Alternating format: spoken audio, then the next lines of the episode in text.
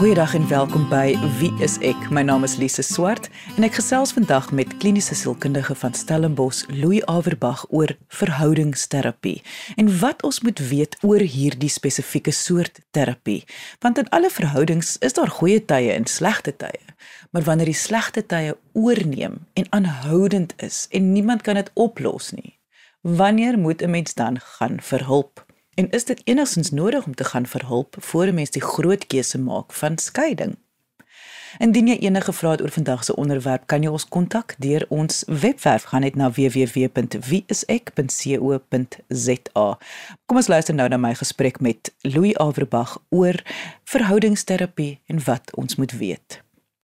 Louis, ek dink ons begin sommer met die deur in die huis en ons vra maar wat presies is verhoudingsterapie? Wat wat behels dit? Ja, dit is verskillende mense doen dit ook verskillend en daar's verskillende vorms en fokusse van verhoudingsterapie. Maar grootliks is dit mos maar daarop ingestel om die kwaliteit van verhoudings beter te maak. En ons aanvaar dat ons in ons kultuur keuses het in ons liefdesverhoudings en ons vriendskapsverhoudings. So ons is vrywillig daarin. En daarom wil ons almal graag of meeste mense wil baie graag die hoogste kwaliteit verhouding hê. Mense wil gelukkig wees. Hulle wil kan sê, man, hierdie verhouding waarin ek is, um, ek kies om daarin te wees want dit is my beter om daarin te wees as om nie daarin te wees nie. En verhoudingsterapie is dus daarop gerig om die kwaliteit te op te lig, nê? Baie keer is dit natuurlik om te om te keer dat mense nie uitmekaar uitgaan nie of om sekere probleme aan te spreek, maar oor die algemeen gaan dit daaroor dat beide partye so gelukkig as moontlik wil wees. En dit baie keer nie reg kry nie. So verhoudingsterapie is dan die proses of die poging om te help daarmee. Jy laat dit nou en ek neem aan dit is hoe dit moet klink, maar jy laat dit nou vreeslik positief klink want soos jy reg sê, meeste mense assosieer dit nog met negatief. Jou verhouding is op die rotse.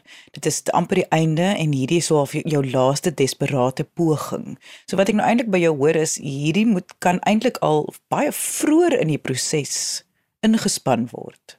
Ja, soos meeste prosesse is enige intervensie in iets gewoonlik beter hoe vroeër dit kom en hoe meer proaktief dit is. Maar jy weet mense gaan nie na 'n dokter toe tensy hulle regtig siek is nie, meeste mense nie. So dit is so dat as verhoudings by sielkundiges uitkom, is dit gewoonlik omdat die egpaar of die verhoudingsmaats alreeds 'n klomp goed probeer het wat nie werk nie. En gevolglik is daar dan baie druk op die verhouding of is dit gevolglik bietjie meer onderdruk en is daar groter probleme as ons by die verhoudingsterapie uitkom as wat dit eintlik moes gewees het. In sekere gevalle is dit wel so dat verhoudingsmaats besef dat hulle iets moet doen voordat daar groter probleme kom. En dit is dan gewoonlik makliker om 'n eh, om iets te doen as mense nie alreeds in daai rooi sone is, jy weet wat hulle dik is vir mekaar en en amper op die punt is om uit mekaar uit te gaan nie.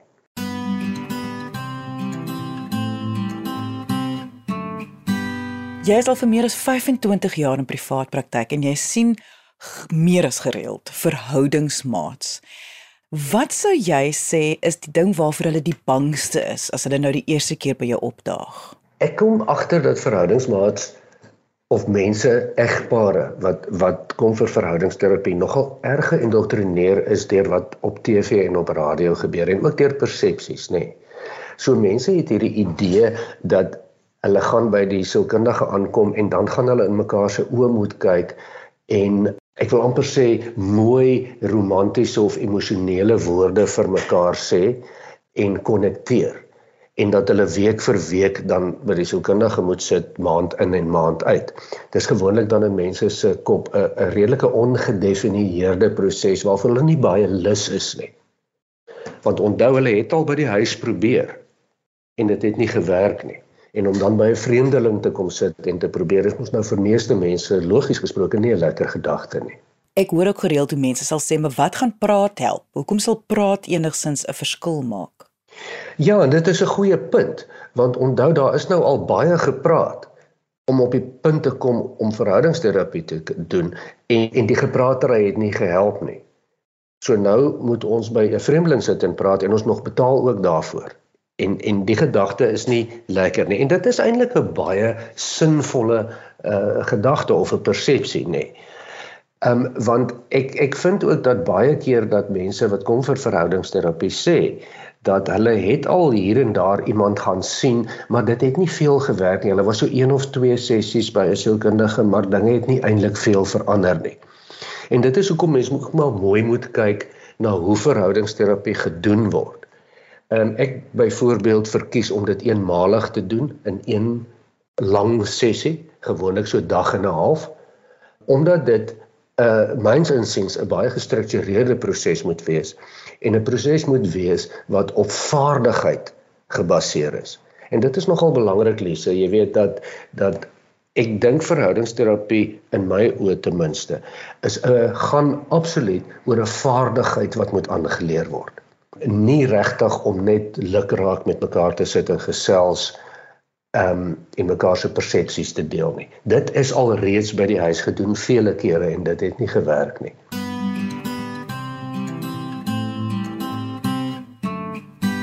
Want jy is heeltemal reg. Eh, om net te verwag dat probleme gaan hulself oplos of iemand moet mos nou so voel nou iets te herhaal wat mense gewoonlik sê. Jy weet, hoekom voel hy nie van nature so nie? Of hoekom tree hy nie van nature so op nie? Of hoekom is hy nie van nature so nie? Wat jy nou sê is dat mens moet uh, amper gaan nie sê stel reëls nie, maar hierdie vaardigheid insit in die verhouding in om dit beter te laat werk. Ja, as mens gaan kyk na wat geluk gaan bepaal in 'n verhouding of dit nou 'n uh, vriendskapsverhouding of 'n vennootskap is of 'n langtermyn liefdesverhouding dan wys die meeste navorsing en ook gewone algemene logika vir mens dat daardie geluk is direk gekoppel aan die verhoudingsmaat se vermoë om konflik of verskille te kan hanteer. Dis nie gekoppel aan wanneer dit goed gaan of as mense saamstem nie. Dit gaan oor wanneer ons verskil oor iets en ons kry dit nie uitgesorteer nie want glo vir my mense kry nie hulle verskille uitgesorteer nie. En en en die bewyse daarvan is legio. Ek wil net kortliks noem. Die realiteit is maar dat langtermynverhoudings en veral liefdesverhoudings onder groot aanslag is en regtig baie keer nie uitwerk nie. Ek wil amper sê ten minste helfte van die tyd werk dit nie uit nie, nê. Nee. En dit word gereflekteer in egskeidingssyfers, maar ook hoe mense rapporteer oor hoe gelukkig of ongelukkig hulle verhoudings is. Dit is nie regtig moeilik om vir 20, 30 jaar aan mekaar getrou te wees nie. Die moeilik kom in om darm bevredigend getrou te wees vir so lank tyd of bevredigend saam te wees. En ons weet dat helfte van alle huwelike beland in elk geval amper op die rotse. Dis wat die syfers vir ons sê wêreldwyd. En van die verhoudings wat oorbly, is dit ook maar 'n groot persentasie wat 'n baie lae geluksfaktor rapporteer. En dit alles is gekoppel aan verskille, of dit nou oor die tandeborsel is of oor die familie of oor jou ingesteldheid of die woorde wat ek gebruik as ons dit nie kan oplos nie, daal ons geluksfaktor, ons bevredigingsfaktor.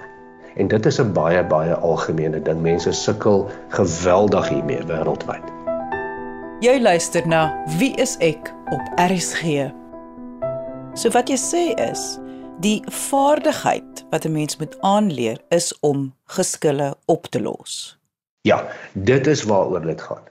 So as As ek egpare of verhoudingsmaat sien vir verhoudingsterapie, is dit 'n absolute vaardigheidsintervensie. Dit gaan om 'n vaardigheid aan te leer. Want as hulle dit self kon doen, was hulle mos nie nodig om by my te wees nie.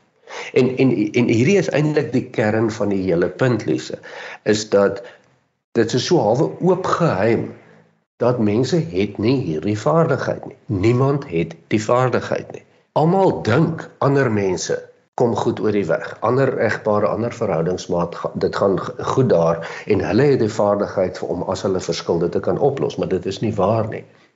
Dit is nie eg aan ons as mense om die vermoë te hê om verskille op te los nie. Net omdat ons kan praat is nie te sê ons kan ons verskille bevredigend oplos nie. En oplos beteken albei partye is gelukkig. Dit is nie waar een party stil bly of die een party kry die oorhand of ons val maar in of maak kompromie nie. Dit is nie oplos nie. En omdat ons so gebrekkig is in terme van ons taal en hoe ons met mekaar kan kommunikeer, ons het min klanke, min vermoëns om regtig te kommunikeer wat in ons koppe aangaan. Is dit ongelukkig sodat tensy ons nie hierdie vaardigheid kunsmatig aanleer nie, is dit feitelik altyd en ek sê feitelik altyd uh die oorsaak daarvan dat verhoudings se kwaliteit heelwat laer is as wat dit kon kon gewees het. Jy luister na Wie is ek? My naam is Lise Swart en ek gesels vandag met kliniese sielkundige Louis Averbag oor verhoudingsterapie en wat jy moet weet. As jy vra het, onthou jy kan ons kontak, gaan na wieisek.co.za. Louis, as jy nou so praat en jy praat oor ons vermoë om verskille op te los en hoe ons nooit hierdie vaardigheid aangeleer het nie, kan ek dink daar gaan so baie mense wees wat nou luister na die gesprek en gaan voel ag Louis jy het my nog nie gesien by die werk nie. Jy het nog nie gesien hoe kan ek as leier van my groep by die werk geskille oplos en probleemoplossing toepas nie. Maar tog wil ek vir daai mense ook sê maar kry jy dit reg in jou verhouding? Want dit is dit is tog baie meer kompleks. Baie meer kompleks en probleemoplossing is nie dieselfde as gelyke geskille oplos nie. As A en B in 'n verhouding verskil oor die skottelgoed. Wat doen hulle sodat as hulle klaar dit gedoen het, dan is A en B heeltemal tevrede oor die gesprek wat plaasgevind het en hulle weet wat in die toekoms gaan gebeur oor die skottelgoed. Dit is nie so maklik nie en ek sê weer bitter bitter min mense kry dit reg. Hier en daar is daar mense wat dit van nature reg kry in verhoudings en die ander wat dit reg kry, het dit geleer. Want dit is nie 'n natuurlike vaardigheid nie. Ons is nie gebou daarvoor nie. Ons is gebou om te argumenteer. Dit is wat ons die graagste doen en dit is waarmee ons goed is. Dit is ook die enigste strategie wat feitelik alle mense in verhoudings gebruik. Party gebruik dit op 'n mooi manier en party gebruik dit op 'n lelike manier. Maar aan die einde van die dag is argumentvoering eintlik 'n uiters oneffektiewe strategie om verskille op te los en dit is al wat meeste mense gebruik. Argumentvoering veronderstel dan dat ek praat mooi met jou of ek praat lelik met jou en ek probeer vir jou laat insien hoe ek dit sien en ek probeer jou ooreed om dinge op 'n sekere manier te aanvaar en te doen. Dit werk glad nie. Dit het nog nooit gewerk nie en dit werk ook nie en dit sal ook nooit werk nie. En as jy kyk na ehm um, die net net algemene interpersoonlike verhoudinge in die wêreld tussen mense, tussen volkerre, tussen lande, tussen groeperings, is dit maar altyd die enigste strategie wat almal nou nog probeer voer. Almal probeer met mekaar argumenteer. En kollektief is die geluksfaktor van die partye wat dan betrokke is baie baie laag. Want dit werk nie.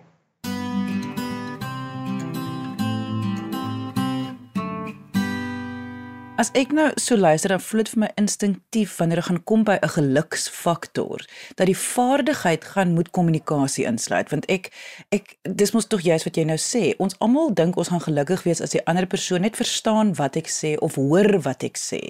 Ja, en hoekom is dit dan nie so maklik nie? Wat jy dan sê en jy gebruik die woord kommunikasie, dis 'n ou klise, maar dit is presies waaroor dit gaan. Ons almal sê vir mekaar Jong, julle moet maar kommunikeer. Want as jy dit nie doen nie, gaan niks gebeur nie. En ons almal verstaan dit. Maar hoe? Hoe presies kommunikeer jy? Die manier wat ons as mense en ek sluit myself hierby in, van nature gebruik, werk nie om geskille op te los nie. Daardie kommunikasie werk nie. Mense stry hulle blou en argumenteer hulle blou vir jare oor onderwerpe. Maar dit los nie dinge op nie. Oplossing is waar beide partye aan die einde van die kommunikasie heeltemal tevrede en gelukkig is en sê man luister soos dit wat ons nou oor gepraat het en veral dit wat ons ooreengekom het vir die toekoms laat my tevrede ek kan daarmee leef hierdie ding is nou vir my opgelos enige iets anders is nie aanvaarbaar nie en bring die geluksfaktor van enige verhouding af En dit is waarmee mense geweldig geweldig sukkel jaar in en jaar uit. Die rede is want ons het nie die vaardighede nie. Uit al jou ervaring, voel jy ook dat mense sukkel met die woord kompromie? Want soos jy praat, kan mens nou so af aflei goed. Jy gaan kommunikeer hoe jy voel en wat jy wil hê, die ander persoon gaan sê hoe hulle voel, wat hulle wil hê en dan gaan mens mos nou 'n kompromie aangaan oor wie gaan die skottelgoed was. Nou, daardie woord kompromie voel vir my het mense ook 'n verkeerde persepsie oor. Is asof hulle voel hulle moet dinge opgee. Ja, daar's twee goed te sê daaroor Lise en dit is een dat dit kom 'n kompromie in die in die ware sin van die woord is nie waarheen mens wil gaan met die geskille oplossing in verhoudings nie. Ehm um, kompromie beteken gewoonlik daar's bietjie 'n wenner en 'n verloorder. Ehm um, ons verkies om te praat van ooreenkomste waarmee mens kan saamleef wat op 'n spesifieke manier bereik word en dit is waar die vaardighede inkom, nê. Nee. Maar as as 'n kompromie beteken dat ek ehm um, maak 'n aanpassing en ek kan gemaklik daarmee leef, dan dan is dit min of meer waar mens wil uitkom. Dit bring ons dan by die punt dat jy kan ongelukkig nie jouself net wees soos wat jy wil wees in 'n verhouding nie. Jy kan nie. Dis onmoontlik. Jy moet aanpas. As jy in 'n verhouding wil wees, kan jy nie jou eie belange heeltyd dien nie. En dit is wat mense probeer doen om die beste ooreenkoms vir hulle self te kry deur argumente en kompromieë. En dit werk nie. En as ons wil 'n geluksfaktor hê, stresvry waar ons goed oor die weg kom waar ons vennootskappe met ons liefdesmaats of ons langtermyn lewensmaats glad verloop dan dan het ons ongelukkig nie 'n keuse as om ons normale manier van dinge doen te laat gaan veral as daar verskille is en 'n en 'n ander voertuig te gebruik wat mens moet aanleer hoe om te bestuur nie. En dis een van die grootste mites dink ek wat wat dit vir ons baie moeilik maak en wat ons amper weekliks in praktyk sien dat mense dink oordat hulle met mekaar kan praat oor jy klanke uit jou mond uit kan vorm dat die ander persoon dit outomaties gaan insien en gaan inval. En dit is regtig die grootste oorsaak van die grootste persentasie verhoudingsprobleme. Is daardie aanname. Verhoudings het sekere reëls, verhoudings het sekere beginsels waarvolgens dit werk. En as mens dit nie toepas nie, daal jou tevredenheidsfaktor radikaal.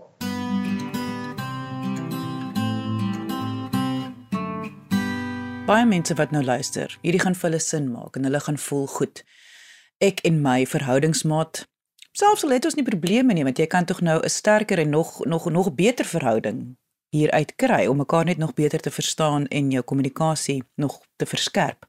Maar dan gaan daar baie mense wees wat baie keer vir ons ook skryf en sê maar my verhoudingsmaat weier. Die persoon weier om te gaan vir verhoudingsterapie en voel dat hoe hoe ons verhouding is werk vir hulle. Watter advies het jy dan nou vir hulle in hierdie geval? Al wat ek kan sê is dan moet jy jou besluit te maak. Want as jou verhoudingsmaat weier, is daar niks wat jy daaraan kan doen nie.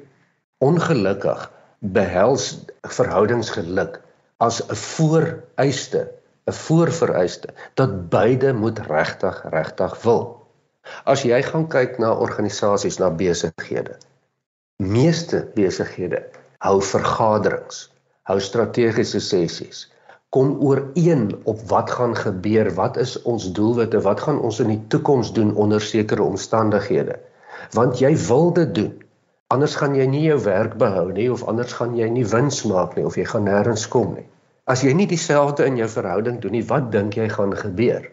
wat sê jy met ander woorde? Sê jy dat daar 'n 'n goeie vee uit die lug gaan verskyn en in die ander persoon se kop gaan ingaan en hulle laat aanvaar dat dinge moet wees soos wat jy wil hê dit moet wees. Dit gebeur nie.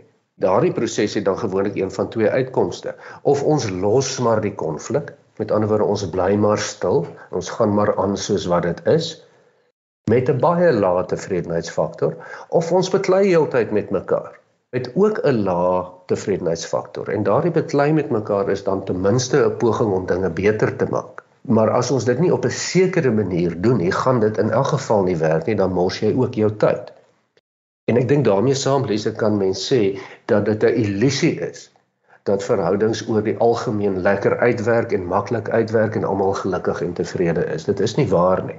Dit is raar dat mense dit regkry en dit is raar dat mense dit tot toe het groot tevredenheid oor 'n lang termyn regkry. Ons almal weet dit vat harde werk, maar wat is daardie harde werk? Die harde werk het nie te doen met om op vakansie te gaan of dieselfde belangstellings te hê nie die die harde werk het te doen met vaardigheid wat beide partye aanleer om wanneer ons verskil en wanneer daar nie ooreengekom word nie dit te kan toepas sodat as ons klaar is dat albei tevrede is met die uitkoms. Jy luister na Wie is ek op RSG. Hier praat ons nou oor 'n vaardigheid wat mens kan aanleer en soos ek vroeër gesê het, dit kan natuurlik ook jou verhouding net verbeter. Jy het 'n goeie verhouding en dit maak dit net nog beter. Maar om een of ander rede werk almal in die wêreld reaktief. En ek wil graag afsluit deur te gesels oor die voordele van proaktief werk. Met ander woorde, hier besluit twee mense hulle gaan nou 'n langtermynverhouding teenoor mekaar staan. Is hierdie nie iets wat hulle van dag 1 af moet doen nie? Dalk onromanties, maar eh, jy weet, is dit nie 'n goeie idee nie? Ek kan nie meer met jou saamstem nie en en en dit is glad nie onromanties nie. Dit is trouens uiters romanties. Wat wel onromanties is, is om te begin veg, te begin irriteerd raak met mekaar, te begin argumenteer al is dit op 'n mooi manier en dan maar later stil te bly want jy wil nie konflik hê nie. Dit dit daar's niks romanties daarin nie. En as jy dink jy gaan dit vryspring, maak jy 'n groot fout. Dit is nie hoe dit werk nie. So ek stem so saam met jou. Die die konsep, die ritueel in baie kulture van as jy gaan trou of as jy in 'n besluit om in 'n langtermynverhouding te gaan, dat jy nie jouself teen dieselfde klips seermaak as wat alle verhoudingsmaat doen nie. Sorteer dit liewers voor die tyd op. Sê goed, kom ons maak 'n plan vir as ons verskil oor dinge. Hoe gaan ons dit doen? Wat presies gaan ons maak? Hoe kom ons tot ooreenkomste en ons kom ooreen daarmee? Jy maak jou lewe aansienlik makliker. En dit is dan natuurlik die in myns insiens die belangrikste en grootste vaardigheid wat verhoudingsmaats nodig het. En as een van die partye sê ek wil nie eintlik moeite doen om te leer hoe om ons verhouding se konflik en kommunikasie beter te doen sodat ons albei gelukkiger kan wees nie, dan sê dit baie van die verhouding en die keuses wat gemaak is. En dit was kliniese sielkundige van Stellenbosch Louis Averbag. Indien jy enige vrae het, kan jy ons kontak deur ons webwerf gaan na wieisek.co.za of kom gesels saam op ons Facebookblad onder wieiseksa. Op hierdie einste Facebookblad is daar verskeie videogesprekke wat ek het met medies professionele mense oor sielkundige diagnose, sielkundige toestande, menslike gedrag. Ons praat oor depressie, angs, bipolêr narcisme, verhoudings, egskeiding, enigiets. Dink aan 'n onderwerp en ons het dit 10 teen 1 al bespreek. So gaan gerus na Wie is ek se Facebookblad onder Wie is ek SA. Dankie dat jy vandag ingeskakel het. Ons maak weer so volgende Vrydag 12:30 net hier op RSG. Jy moet 'n heerlike naweek hê en onthou, kyk mooi na jouself en jou verhoudings.